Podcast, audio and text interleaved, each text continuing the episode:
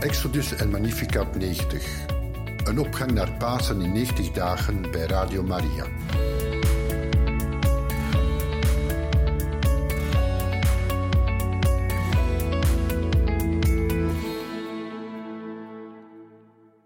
Beste luisteraars van Radio Maria, welkom in het programma van Exodus 90, 90 dagen naar Pasen.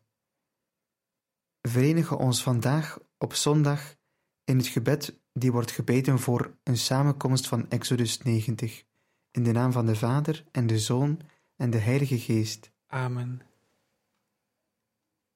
Tot, Tot allen sprak hij, wie mijn volgeling wil zijn, moet mij volgen door zichzelf te verloochenen en elke dag opnieuw zijn kruis op te nemen. Want wie zijn leven wil redden, zal het verliezen.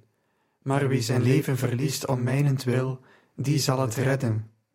Wat voor nut heeft het voor de mens heel de wereld te winnen, als hij zichzelf hierdoor zijn ondergang en dood berokkent?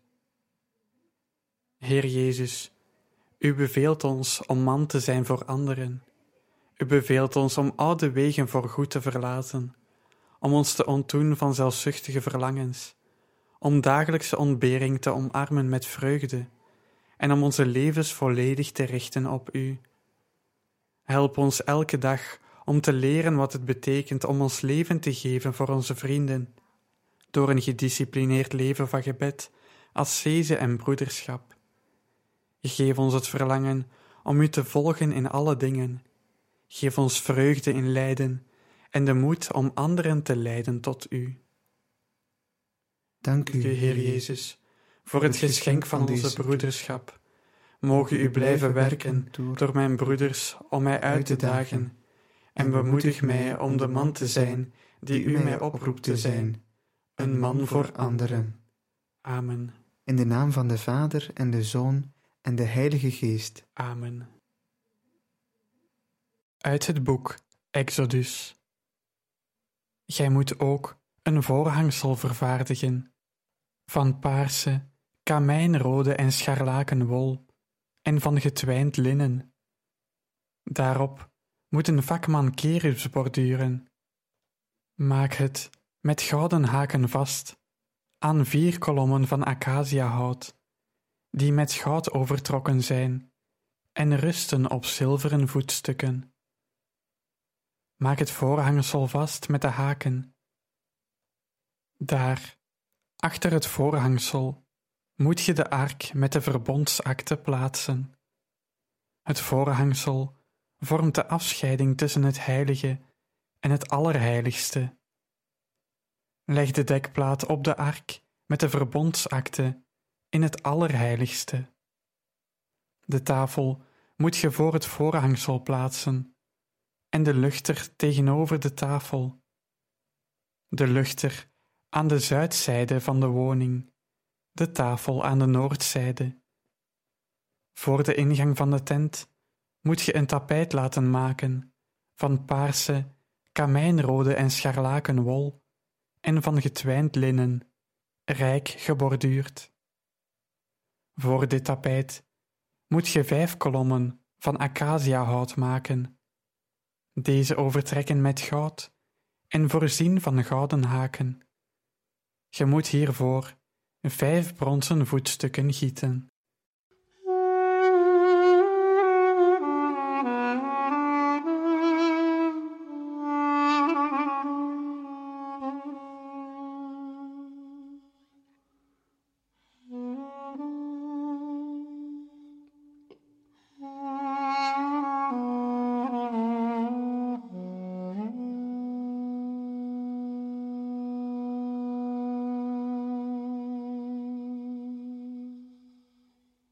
Dag 63 We zijn in de ruige bergwoestijn aan de voet van de Sinaiberg. Het voorhangsel van de tempel werd gebruikt om het profane, het wereldse, van het heilige te scheiden. Niemand mocht door het gordijn gaan tenzij ze waren apart gezet, voor heilige plichten, en een rituele reiniging hadden ondergaan. In het de Hof van Eden, wandelden Adam en Eva vrij en hij volmaakte eenheid met God. Toen de zonde de wereld binnenkwam, vernietigde het die eenheid en scheidde ons van God en van elkaar. Laten we ons niet misleiden. De zonde heeft nog steeds het vermogen om ons van God en van elkaar te scheiden. Adam koos ervoor zijn eigen weg te gaan.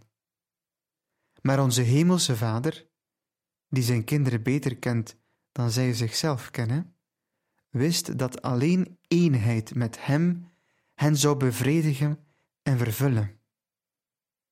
Hij stuurde zijn eigen zoon om de straf op zich te nemen, die we allen verdienen, en om het oude verbond te vervullen. Het geofferde bloed van onze gekruisigde Heer scheurde de sluier open die de mens van God scheidde en gaf ons een nieuw vertrouwen om Zijn heilige aanwezigheid te benaderen, op het spoor te komen, erbij aanwezig te zijn. Een stukje uit de brief aan de Hebreeën.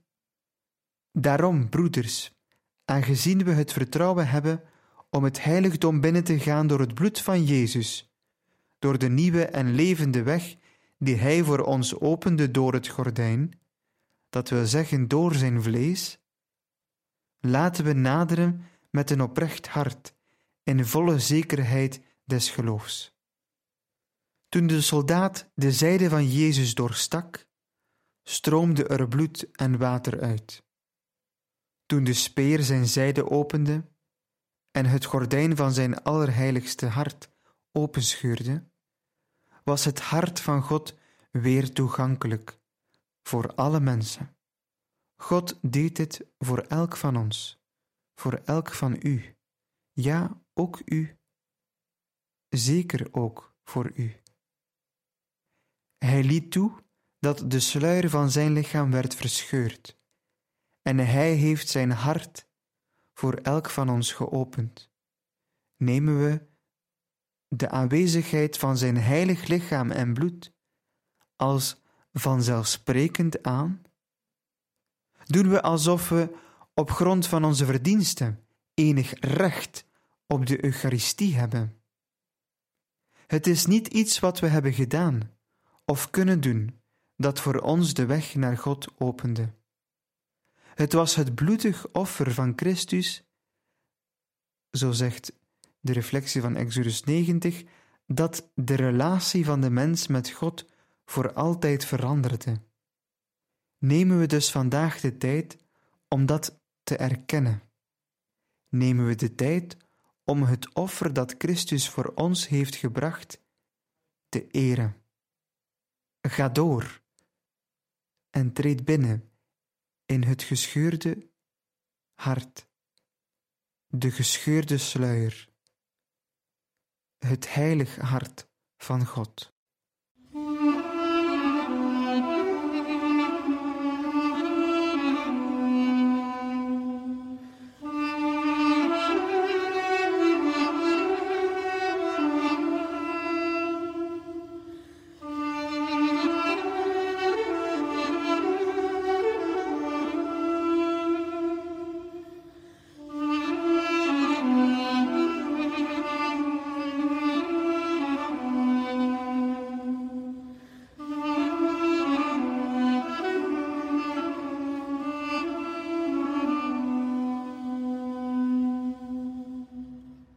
Onszelf als levend tabernakel. De Israëlieten staan op het punt te leren hoe ze de tabernakel moeten bouwen en versieren. Een heilige plaats voor God om onder zijn volk te wonen. Uw lichaam is een tempel van de Heilige Geest in u, die u van God hebt. Wenden we ons vandaag tot de heilige Johannes van het Kruis ongeschoeide karmeliet, om iets meer te weten te komen over de kern van onszelf als levende tabernakels, onze ziel. Hij zegt het volgende: De ziel, die zich snel tot spreken en converseren wendt, wendt zich langzaam tot God. Wie leert de ziel anders dan God? Contemplatie, het overschouwen van de meditatie, is niets anders dan een geheim, vredig en liefdevol als een infuus van God, als iets dat in iets anders, zoals water, wordt ondergedompeld en het water erdoor wordt veranderd. Dat, als het wordt toegelaten, de ziel in vuur en vlam zet met de geest van liefde. Het prikkelendste gezegde bewaarden we voor het laatst, waar Johannes van het Kruis ziel en lichaam meer samenneemt. Geloof is als de voeten waarmee de ziel naar God reist, en de liefde is de gids die haar leidt. Beste Exodusbroeders, hoe verfraaien wij onze tempel, onze eigen lichaam, met inbegrip van onze eigen ziel? Wat laten we toe in deze heilige plaats? Wat doen we om deze plaats heilig te maken, zoals een tabernakel, zodat God in ons kan wonen? En bidden wij tot slot het gebed tot de heilige aartsengel Michael, in de naam van de Vader en de Zoon en de Heilige Geest. Amen. Heilige aartsengel Michael, verdedig ons in de strijd. Wees onze bescherming tegen de boosheid en de listen van de duivel. Dat God hem gebieden, zo smeken wij ootmoedig. En gij, vorst van de hemelse legerscharen, drijf Satan en de andere boze geesten, die tot verderf van de zielen over de wereld rondwalen, door uw goddelijke kracht in de hel terug. Amen.